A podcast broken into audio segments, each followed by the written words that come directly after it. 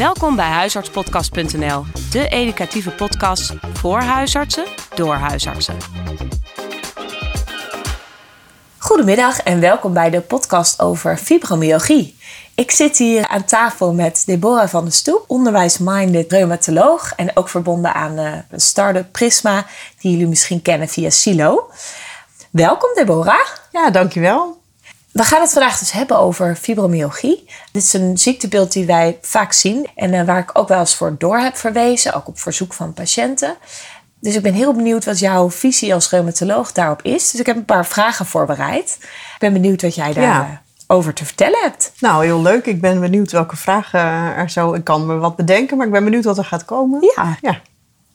Let's begin. maar. Nou, ik was benieuwd welke klachten of welke symptomen hoor jij nou in de anamnese als je een patiënt uh, in de spreekkamer hebt? Ja, dat is een goede vraag. En daar is eigenlijk ook natuurlijk niet een eenduidig antwoord op. Nee, dat maakt het ook zo lastig. Maar goed, er zijn wel een aantal dingen. Misschien moet ik even beginnen, helemaal aan het begin. Ik vind fibromyalgie altijd een beetje lastig. Uh, Ik ben niet zo voor geloof je erin of geloof je er niet in. Ik geloof erin en ik geloof in de klacht. Ja. Maar het is een nogal brede vergaarbak aan patiënten die zich toch allemaal anders kunnen presenteren. Dus dat maakt het ook gelijk zo lastig. Wat mij opvalt, hè, want ik, goed, voordat ze bij mij als reumatoloog komen, zijn we natuurlijk ook al een stapje verder en is er waarschijnlijk al wat selectie geweest. Ja. Mensen hebben vaak last van hun hele lijf. Echt heel, wat ik vaak terughoor is dat mensen letterlijk zeggen van echt vanaf mijn hoofd tot aan mijn tenen doet het zeer.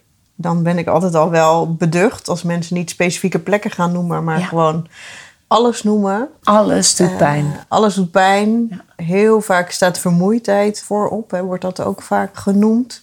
Nou ja, dat vind ik eigenlijk de twee meest kenmerkende. Als mensen zeggen alles doet me zeer. Dat vind ik al een groot onderscheid met mensen die toch komen met een inflammatoire ziektebeeld. Die weten heel vaak heel goed te benoemen, ik heb last van. En dan komen er een aantal gewrichten. Of er komt een bepaald moment op de dag dat er last is. Mensen met fibromyalgie die zeggen ik sta ermee op en ik ga ermee naar bed. Ik kan vaak slecht slapen. Dus je kan er niet echt een ritme in vinden over de dag. Je kan niet een speciale plek vaak vinden. Nee. En vinden ze dat dan ook alles overheersend? Als ze zeggen het is van top tot teen, de hele dag. Ja, dat vind ik al wel lastig. Ja, het is vaak wel alles overheersend. Al merk ik ook dat er echt wel mensen zijn. En dat zijn de eindeloze doorzetters en overbelasters. Die proberen het niet overheersend te vinden en toch door te gaan. Ja. Uh, maar toch iedere keer weer tegen hun klachten aanlopen. Dus misschien alles overheersend niet per se, maar het belemmert wel. Mensen komen op het moment dat het echt gaat belemmeren in het dagelijks functioneren of in het slapen. Of als ze echt merken van nou, ik kan gewoon door de vermoeidheid dingen niet meer afmaken, dingen niet meer doen. Of ik kan door de pijn, nou ja, mijn activiteiten niet meer, mijn werk lukt niet. Of kan mijn kinderen of mijn kleinkinderen amper optillen. Dat soort uh, zaken komen er dan naar voren. ja. Zou je nog kunnen zeggen dat er soorten patiëntengroepen zijn binnen de fibromyalgie-patiëntengroep? Want je had het net over de doorzetters. Ja, nou, ik denk dat het lastige vind ik, we proberen altijd alles te kwalificeren en in hokjes te stoppen. en ik ben er echt een enorme voorstander van om dat bij fibromyalgie gewoon niet te doen. Nee. En ook geen type fibromyalgie-patiënten te benoemen, maar heel erg aan te sluiten bij de persoon. Daar ben ik altijd wel van. Ja. Maar zeker bij fibromyalgie is het namelijk iets wat in mijn beleving zo inherent is aan wat voor persoon ben je, hoe richt jij je leven in, hoe ga je om met, met je lijf, met je eigen lichamelijke signalen. Ja. dus er zijn mensen die heel angstig kunnen worden van relatief weinig pijn, daardoor gaan ja, onderpresteren, onderbewegen eigenlijk, en daardoor een hele slechte conditie krijgen, meer last krijgen, slecht slapen door te piekeren. Eh, maar je hebt ook mensen die alsmaar doorgaan en gewoon helemaal niet het signaal oppakken dat ze misschien veel te hard aan het werk zijn. En die slapen uiteindelijk ook niet, bijvoorbeeld door de pijn. En dat vraagt een hele andere benadering. Ja. Dus die overbelasters en onderbelasters, wat je wel eens hoort, mhm. dat is niet iets waar jij ze specifiek in categoriseert, maar je kijkt echt naar de patiënt. Ja, want ook overbelasters ja. zijn vaak, om het dan maar een beetje cryptisch te houden, zijn vaak onderbelasters op een bepaald punt. Hè. Het zijn mensen die ook geen tijd hebben, geen ruimte meer hebben, weinig bewegen, weinig sporten en zo. Maar overbelasten doordat ze nooit nee zeggen op een verzoek of op een taak of altijd maar bezig zijn. Dus ja. het is heel erg zoeken bij die ene persoon. Van goh, wat, is, wat maakt nou dat jij nu hier zit? Is er een luxerend moment geweest? Is er een bepaald uh, stressperiode geweest waarbij er een enorme disbalans is ontstaan? Is het iets wat toch heel chronisch ontstaat? Heeft het te maken met je werk, met je privé? Ja. Dus, dus je kunt ook overbelaster zijn qua dat je wel gewoon hard doorwerkt, maar te weinig sport. Ja. ja. En dat geeft ook heel veel last. Dus ja. hoe dan ook moet iedere fibromyalgie-patiënt meer teruggaan naar de kern eigenlijk. naar zijn eigen lijf en naar zijn eigen beleving. Van wat, wat gebeurt er nou? Wat heb ik eigenlijk nodig? want ik ben er erg van overtuigd dat het nou erg van overtuigd. Weet je, het lastige is dat ik merk dat er enerzijds wordt er natuurlijk soms heel hard gezocht naar wat is de biologische oorsprong en waar gaat het mis? Is er een behandelbare oorzaak? Wat hebben we allemaal aan behandelingen? Ja. En ik ben natuurlijk altijd voor om behandelbare oorzaken te vinden, maar ik vind dat die hele discussie gaat heel vaak ook zo voorbij aan het feit dat er vaak gewoon hele goede verklaringen zijn waarom mensen bepaalde klachten hebben. Omdat we nou eenmaal een stresssysteem hebben in ons lijf. Ja. Wat overal op reageert. En wat ontzettend veel klachten kan geven aan je bewegingsstelsel. Maar ook aan je darmen. Hè. Een prikkelbare uh, darm. De vermoeidheid, het slecht kunnen concentreren. Alles is ook weer terug te voeren op, op een stresssysteem. Op het voldoende ontspannen. Niet altijd in de aanstand staan, zeg maar. Ja. En het is zo jammer dat we op de een of andere manier niet altijd die component zo serieus nemen en dan gaan zoeken naar een biologische ja. verklaring. Dat mensen eigenlijk niet luisteren naar de signalen die hun lichaam geeft, de stresssignalen. Ja, los van dat mensen daar als individu niet zo naar luisteren, denk ik dat er ook gewoon er wordt ook nogal een beroep gedaan op iedereen. Hè? We zitten natuurlijk erg in een samenleving waar alles tegelijk moet en goed moet. En Dus er is ook niet zoveel ruimte voor. Er is ook niet zo heel veel begrip voor. Wat het ook heel lastig maakt ja. voor mensen. Zeker op het moment dat het elastiekje dus dermate uitgerekt is... dat er echt even meer nodig is dan gewoon een dagje vrij. Ja. En daar gewoon een verandering moet komen. Als er dan zoveel onbegrip is om je heen ja, dan snap ik dat dat heel lastig is. En toch geloof ik heel erg in dat de stap 1 is accepteren dat het er is, begrip hebben voor het feit dat het er is. Ja. En dan dus heel erg maatwerk leveren en kijken wat werkt er voor deze patiënt op dit moment. Ja. Nou, volgens mij was het een mooie uitweiding. Ja, ik had nog een vraag. Zou je nou iets van risicofactoren kunnen aanwijzen? We hebben natuurlijk net al gehad over onze stressvolle samenleving, over het niet luisteren naar de stresssignalen van je lichaam als je dat te lang door laat gaan. Dat mensen daar uiteindelijk klachten van krijgen, kan ook in de vorm van fibromyalgie-klachten. Kan je ook bepaalde uh, risicofactoren aanwijzen van nou, deze mensen hebben meer kans om uiteindelijk bij jou op de poli te zitten?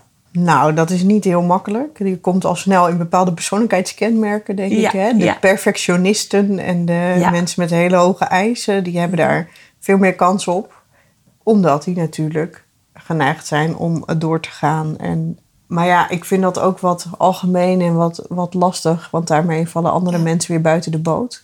Het is ook zo dat er... Het kan ook ontstaan doordat je door een periode... Bijvoorbeeld doordat er iets anders is gebeurd. Een heel stressvolle medische gebeurtenis of privé gebeurtenis. Of dat je geïmmobiliseerd bent ergens door en een poos niet hebt kunnen bewegen en vervolgens weer vol aan de bak gaat. Dat er daar een soort van disbalans is. En als je dat herkent en je doet een stapje terug, dan zal het weer goed komen. Als je dat langere tijd negeert en je gaat maar door, ja, dan ontstaan die klachten. Dus in wezen is de gemeenschappelijke kern, denk ik, dat je in een vroeg stadium nog negeert ja. Wat er eigenlijk al gaande is, zodat het zo ver komt dat je gaat voldoen aan criteria die wij dan met z'n allen fibromyalgie hebben genoemd. Ja, duidelijk. En wat je wel eens hoort, dat is dan puur fysiek, is dat als je wat hypermobiel bent, hè, mensen die hele soepele gewrichten hebben, dat die iets meer neiging hebben tot gewrichtsklachten. Dat die gewrichten wat minder stabiel zijn. Zie jij dat terug in de praktijk? Ja, absoluut. Gingen heel veel mensen die kampen met een hypermobiliteit of inderdaad ofwel een echt hypermobiliteitssyndroom, mm waarbij ze dan voldoen aan de betenscore, zoals we dat noemen. Maar er zijn ook mensen die daar helemaal niet aan voldoen, maar gewoon op verschillende plekken wel ja, hyperlaxe gewrichten hebben, ja. zeg ik dan maar om het onderscheid te maken. En ik probeer ook altijd echt om dan ook niet de diagnose fibromyalgie te stellen, omdat het voor mij helemaal niks toevoegt. Ik denk dat er dan vooral educatie moet zijn en training.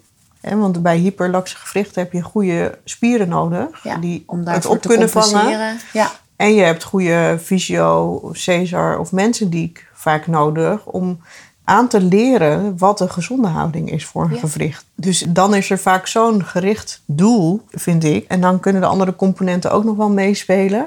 Maar ik vind hypermobiliteit vind ik aan zich eigenlijk al een diagnose die klaring is voor je gewrichtsklachten. ja.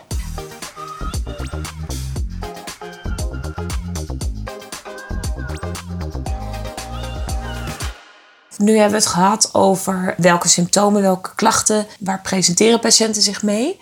Wat zijn nou diagnoses waar je beducht op moet zijn, die er wel eens onder kunnen liggen, waar wij als huisarts alert op moeten zijn? Nou, eerst maar eventjes vanuit mijn reumatologische bril. Ja. Eh, hè, zoek ik altijd naar een artritis psoriatica of een spondylarthropathie. Omdat dat ziektes zijn die heel veel enthesitis kunnen geven.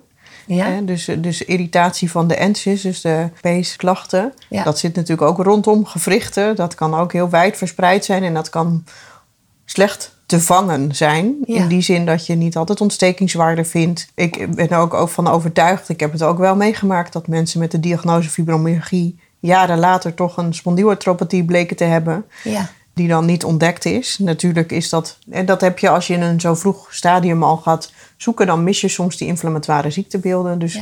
het is altijd heel goed om heel beducht te zijn op onderrugsklachten. Omdat mensen met fibromyalgie...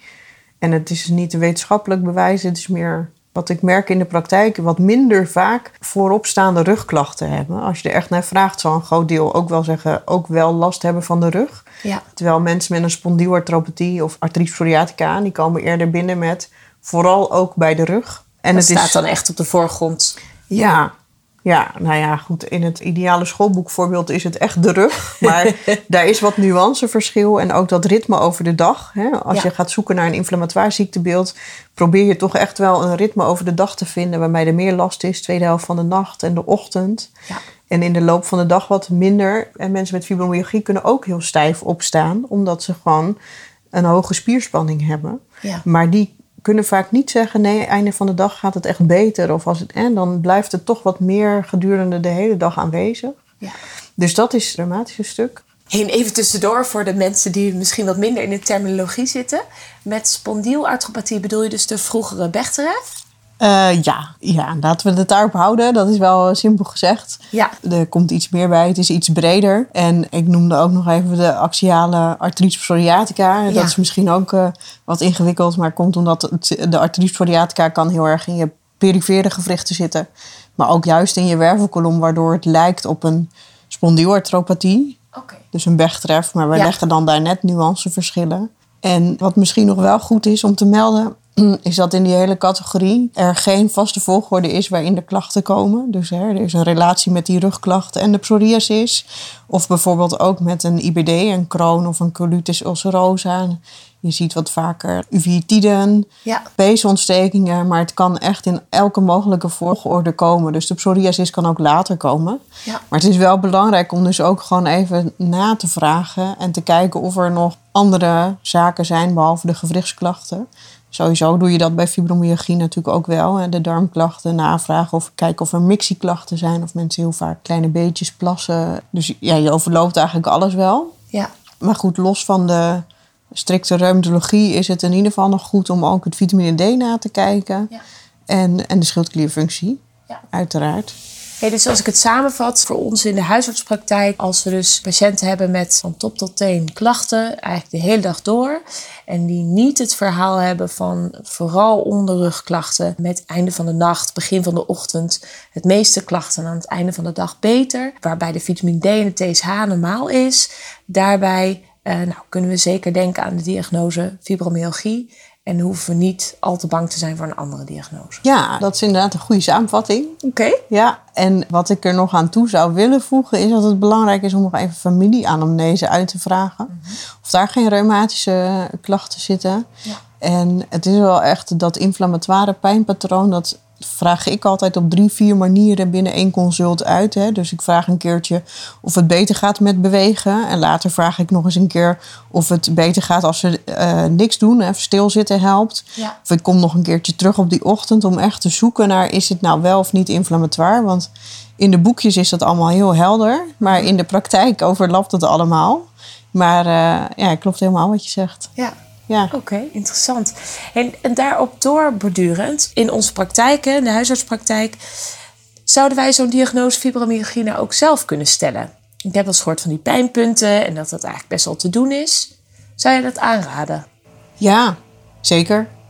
Omdat ik uh, absoluut, ik vind het een diagnose die helemaal niet per se in de tweede lijn uh, hoort. Uh, ik vind het alleen wel belangrijk dat er goed met de diagnose omgesprongen wordt. In die zin dat het al een heel container, groot containerbegrip is.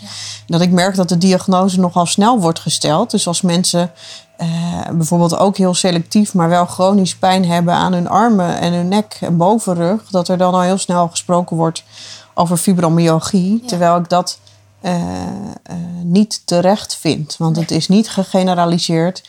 Het, het vraagt nog meer kijken wat gebeurt daar en wat zit daar aan gedrag, aan patroon, aan houding, aan, aan eventueel onderliggende afwijkingen, slijtage of wat dan ook.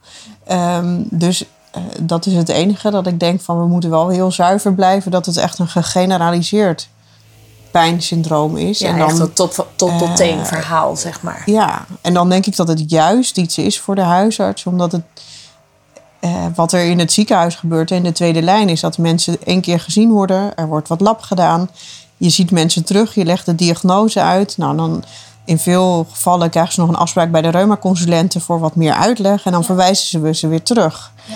En ik vind dat we daarmee zo geen recht doen aan deze hele patiëntengroep. Eh, omdat die het nodig hebben om wel wat meer gezien te worden en wat meer maatwerk eh, te krijgen. Wat meer zorg die ook ingebed is in een hele psychosociale uh, context. Dus ik vind het bij uitstek iets voor in de eerste lijn eigenlijk. Juist voor de huisarts die een langdurige uh, behandelrelatie ja. met de patiënt heeft. Ja, ja. zeker. En dan over die pijnpunten of de, de anamnese, uh, nou ja, wat, wat er allemaal kan passen bij fibromyalgie. Kunnen we dat ergens vinden op een website? Ja, ongetwijfeld. Maar dat moet ik je dan dus verschuldigd blijven, want ik zoek dat nooit op. Maar uh, ik, ik weet heb niet... die pijnpunten wel eens een ja. keer geprobeerd te googlen. Omdat ik dacht, nou, ik ga een keer zelf kijken of ik de ja. diagnose kan stellen. En niet doorverwijzen naar de tweede lijn. Um, uiteindelijk heb ik die ergens gevonden, maar dat is heel klein. Die moest ik dan heel erg uitvergroten. Maar dit is dus niet uh, nou ja, iets makkelijks waar wij dat kunnen vinden. Nee, ik heb daar niet... Nee, ik weet ook niet of er bij de NVR nog specifiek iets op de site staat. Ik kan wel eens voor je kijken. Ik weet niet of je informatie onder de podcast hangt of zo. Of ja, je ja, linkjes daar kan toevoegen. Ja. Dan ga ik nog even zoeken en hou je die van mij uh, te goed. Super. Nou, in de en, show notes uh, uh, ja, zetten we dus de anamnese en, de, en de, de pijnpunten van de fibromyalgie. Zodat wij eventueel in de eerste lijn ook die diagnose kunnen stellen. Leuk? Ja, Mag ik daar nog iets aan toevoegen ja, aan die pijnpunten? Natuurlijk. Want ik vind dat altijd wel grappig. Ik heb ook die, ken ook die pijnpunten. Hè? Uh, en die overloop ik dan allemaal. Uh, maar wat ik toch ook altijd doe. Uh, want patiënten kennen op een gegeven moment ook die pijnpunten namelijk. Oké. Okay. Um, en niet alleen daarom, maar ook gewoon meer voor mezelf. Is dat ik ook gewoon eens op andere plekken druk en duw. En zeker de echte fibromyalgie die je eigenlijk al intuïtief helemaal aanvoelt, zeg maar, ja. die reageren, die staan zo stijf van de spanning en de stress, die reageren overal. Dus dan druk ik ook eens een keer midden op de bovenarm en dat doet ook pijn. En, ja. en dus dan vind ik zelfs die pijnpunten minder van belang. Het is goed om ze wel te kennen. En het is vooral goed om dus niet de diagnose fibromyalgie te gaan stellen als er maar een paar pijnpunten positief zijn. Ja. Ja. Maar uh, um, ja, als mensen er tien of elf hebben, uh, of uh, een 9 en ook buiten die pijnpunten overal pijn, ja, dan. dan ja, het is echt weer dat tot tot teen verhaal. Precies, eigenlijk. nou ja, dat is eigenlijk nog belangrijker. Ja, ja. Nou, eigenlijk over de fysiologische verklaring van dit ziektebeeld hebben we het al een beetje gehad. Hè? Dat, uh, nou, dat negeren van de stresssignalen van je lichaam. Het helemaal aanstaan en daardoor ook veel pijnklachten krijgen. Als we nou gaan naar de behandeling, wat zie jij nou als effectief of evidence-based behandelingen voor fibromyalgie? Ja, nou, dat is wel een, uh, een boeiende vraag. Ik had hem wel een beetje verwacht natuurlijk. Ja. En toen dacht ik, goh, wat... Uh, uh, ja, je kan hier heel lang over praten en heel ja. veel studies aanhalen. Ja. Ik, ik ben daar zelf niet van. En niet omdat ik te lui ben om het te lezen, maar omdat ik er gewoon ook niet zo in geloof. Ja. Enerzijds zie je toch vaak, hè, als je maar lang genoeg zoekt naar iets, dan vind je altijd wel iets. Altijd wel iemand die reageert op een bepaald middel. En ik heb nog even een paar collega-ruimtologen gevraagd. Ik dacht, dan kan ik je in ieder geval de mening geven van wat meer dan één persoon. Uh, en het grappige is, dat wist ik helemaal niet, is dat zij eigenlijk precies hetzelfde doen als ik. Dus blijkbaar is het toch wel wat wijder verspreid. En zij zeggen ook, en daar ben ik ook erg van, geen medicatie. Nee. Vooral ook omdat je de focus dan zo verlegt. En daar moet het waarschijnlijk helemaal niet over gaan. En dan kunnen mensen zich weer. En dan willen ze een pilletje om door te gaan op de ongezonde manier die er al is. Ja. Je moet terug naar jezelf. Dus ik ben erg voor uh, inderdaad gewoon met de persoon zelf kijken. Ja. Uh, wat heb jij nodig? Hoe gaat het? En, uh, maar dat dan ook echt serieus nemen. Het is niet zo dat dat minder interessant is. Het is nog steeds uh, een serieuze klacht waar mensen heel veel hinder van hebben. Ja. En het enige middel dat ik nog wel eens geef is amitriptyline voor de nacht. Zodat mensen beter kunnen slapen, wat meer rust hebben s'nachts. Omdat vermoeidheid zo enorm alle klachten verergert en zo'n onderhoudende factor is, ja. is een goede nachtrust belangrijk. En kan die amitriptyline, zeker voor mensen die heel onrustig zijn s'nachts, kan dat uh, goed helpen. Ja. En denk je dan ook dat die amitriptyline als in een zenuwpijnstiller daar ook wat in doet? Of vooral het sederende, de sederende bijwerking daarvan? Het is, van oorsprong is het een antidepressieve. Ja. Maar dat, de, dat doet het niet in deze dosis. Je geeft 10 milligram. Mm en als dat niet werkt, kan je nog 25 milligram proberen. Ja. Of je begint gelijk met 25. En bij bijwerkingen schaal je af naar 10. Ja. Maar in die lage dosis is het echt puur en alleen... Uh, nou ja, geeft het een beetje rust en sedeert het wat waardoor je slaapt. Ja. En verder doet het niet zoveel. Dus als ik het geef, dan zeg ik ook altijd probeer het. Maximaal drie maanden slaap je er niet beter van. Stop er dan ook gewoon weer mee. Ga dat niet eindeloos door uh, slikken. Oké, dus eigenlijk de conclusie: geen medicatie. Heel misschien als dat slapen echt een probleem wordt, amitriptyline of nortriptyline. En dan niet eens eigenlijk voor de neuropathische pijnstiller, maar vooral voor het slapen. Echt voor het slapen, ja. ja. ja. En ik heb wel eens gehoord dat uh, sporten wel evidence-based is. Kan je daar iets over zeggen? Ja, um, kijk, wat belangrijk is, is dat, eh, dat de dingen ook op de juiste manier gaan. Dus het is zeker belangrijk dat mensen weer gaan bewegen, want er moet gewoon spierkracht getraind worden. Die spieren moeten weer uh, wat meer in balans komen. Maar als je met heel veel pijnklachten ook daar je grenzen negeert en heel hard gaat sporten, werkt het averechts. Ja. Dus ik ben altijd wel voor goede adviezen aan het begin en eventueel eh, begeleiding via een fysiotherapeut om de goede stappen te zetten en de goede intensiteit aan te houden. En ja, bij voorkeur een tweesporenbeleid, waarbij je dus niet alleen maar op, puur op dat lichamelijke en het bewegen gaat zitten, maar ook op de psychische component van, goh, wat maakt nou dat je hier beland bent? Hè? Of dat dit is ontstaan. Ja. ja, hoe gaat dat eigenlijk bij jou? Waar heb je last van? Of waar heb je geen last van? Hoe sta jij in bepaalde dingen? Ben je verbonden met je lijf? Hè? Voel je je ja. Voel je die stresssignalen, voel je de klachten. En hoe je dat invult, dit geheel, ook daarvan geloof ik minder in. Er zijn natuurlijk wel, er zijn programma's voor fibromyalgie. Ja. Uh, intensieve programma's. En ik moet eerlijk zeggen dat ik hoor daar via via dan wel goede verhalen over. Het mhm. zijn de ruime consulenten die de directe contacten vaak hebben. Ja. Maar ja, misschien is dat mijn, uh, mijn droombeeld. Ik zie veel liever dat het maatwerk is. Omdat ik denk dat iedere poging om deze mensen op één grote hoop te vegen... en een soort standaard traject aan te bieden... Ja dat het voor deze voorbij gaat aan, niet eh, kan eigenlijk. Nee, ik denk dat het juist zo belangrijk is om, om bij iedere persoon te kijken van... Goh, hoe zit het nou voor jou? En wat denk ik wel vrij universeel is, is dat op een goede manier bewogen moet worden. Dus dat ja. uh, fysio- en beweegstuk, dat, dat zou wellicht wel wat meer gestandaardiseerd kunnen. Ja. Dus dat je in het begin wel begeleid kunt bewegen. Ja, en weet je, ik, noem... merk namelijk bij patiënten ook veel angst om te gaan sporten Zeker. of te bewegen. Ja, en dus die cirkel moet, ja, die cirkel moet doorbroken worden. Ja. En hè, wat ik altijd zeg, vind ik altijd heel grappig. Want mensen zeggen altijd, wat moet ik dan gaan doen? En zeggen, alsjeblieft iets doen wat je leuk vindt. Anders ben je binnen twee maanden gestopt. dat geldt voor uh, alle... Want ik kan natuurlijk zeggen, alle mensen ga lekker zwemmen. Ja. En dan zegt het eigenlijk bijna iedereen, oh nee, dat vind ik echt helemaal niks. Ik zeg, nou ja, dan heeft het dus al geen zin. Want dan wordt het niks. Maar goed, er zijn heel veel meer manieren om je gewrichten niet eh, over te belasten. Ja. Het kan natuurlijk ook, hè, want je kan met een fysio aan de slag. Maar er zijn ook buurtsportcoaches steeds actiever en meer betrokken. Ja. Uh, er is veel mogelijk in sportscholen en dergelijke. Natuurlijk is het altijd ook een financieel vraagstuk, mhm. want het is allemaal niet gratis. Maar er is wel veel mogelijk aan begeleiding om die cirkel te gaan doorbreken. Ja, ja. En jij had het dan net over de reumaconsulenten, dat die uh, de warme lijntjes hebben met eventueel uh, revalidatietraject of uh, begeleid sporten. Zijn die nou ja, reumaconsulenten ook direct te bellen als huisarts? Dat lijkt mij nou, ja, fijnst. Was het maar waar. Ja, dit, dit is een oproep aan de, aan de mensen boven ons die het stelsel bedenken. Ja, en, uh, want die vraag hebben we heel vaak gehad. Want het zou natuurlijk nog fijner zijn. Kijk, bellen is misschien tot daar aan toe. Aan de andere kant, ja, dat is eigenlijk ook al lastig. Mm We hebben heel vaak ook het verzoek gehad van... goh, ik heb de diagnose eigenlijk al rond. Ik ben eruit, maar iemand wil zo graag nog bij de reumaconsulent terug.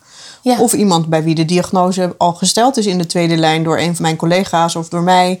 En die dan na een jaar zei: Ik zou zo graag nog één keer terugkomen bij de reumaconsulenten, want ik heb vragen. En dat kan dan niet, omdat er geen DBC meer loopt, omdat er. Hè, ja, dan ehm, krijgen we dat. Dus het is uh, vreselijk. Maar ik zou zeker ook voor deze patiëntencategorie wensen dat er wat flexibeler tussen eerste en tweede lijn bewogen kan worden. Ja. Want volgens mij is dat een win-win voor iedereen. Maar ja, tot op heden uh, beschikt de eerste lijn dus niet zo makkelijk over de reumaconsulentes. Nee, eigenlijk zonde. Een soort PLH-reumatologie ja. zouden we het hebben. Ja, nou, nou, dat is nog iets voor de toekomst. Dat roept dan weer ideeën op voor de toekomst. Precies. Grappig. We komen al een beetje aan het einde van deze podcast. Ik heb al heel veel interessante dingen gehoord. Heb je nu nog direct tips voor de huisarts? Hoe wij met deze patiëntencategorie het beste kunnen helpen? Nou, ik denk dat er maar één tip is die ergens op slaat. Zo in het algemeen en ver van de patiënt zelf. En dat is luister ja. naar de patiënt. Ja. Wat ik heel belangrijk vind is dat, en je zei ook van, goh, hoe komt het dat je zo heel lang die signalen hebt genegeerd in je lichaam? Ik denk dat het heel belangrijk is, want het voelt zo uh, beschuldigend. Ook al wordt dat niet altijd zo bedoeld. Ik denk dat het heel belangrijk is om het daar wel. Het gaat niet om schuld. Het gaat gewoon om iets wat ontstaat. Ja. En wat ik er wel bij vertel, is dat iedereen bij stress automatisch in de kramp schiet en zijn spieren wat verkrampt. En dat er op, op een bepaald moment, hè, daar hebben we het helemaal niet over gehad, maar ontstaat er gewoon een dysregulatie in je pijnprikkelsysteem. Waardoor je ook op een gegeven moment echt pijnprikkels krijgt voor veel lagere ja. drempels. Hè? Dus het is niet zo dat je een aansteller moet zijn om fibromyalgie te krijgen. Het is echt gewoon, er is gewoon chronisch een disbalans gekomen tussen wat je lichaam nodig had en wat het lichaam heeft moeten doen, of wat het aankon en heeft moeten doen. En dat moet hersteld worden. En dan is het heel erg zoeken naar de factoren die, daarvoor, uh, die daarin meespelen. Ik merk dat, nou, dat het heel nauw komt om patiënten wel mee te houden en zich serieus genomen te voelen. Want uiteindelijk hoe je het uh, uitlegt. gaat het daar natuurlijk wel om. Ja. Nou, hartelijk dank. Ja. Uh, ik heb weer een hoop geleerd en ik hoop dat uh, de huisartsen en de huisartsen in de opleiding hier ook wat aan hebben. Nou, Tot de volgende keer, Deborah. Ja, dankjewel. Bedankt voor het luisteren. Bekijk ook onze website op huisartspodcast.nl. Voor vragen of suggesties kun je mailen naar huisartspodcast.gmail.com. Tot de volgende keer.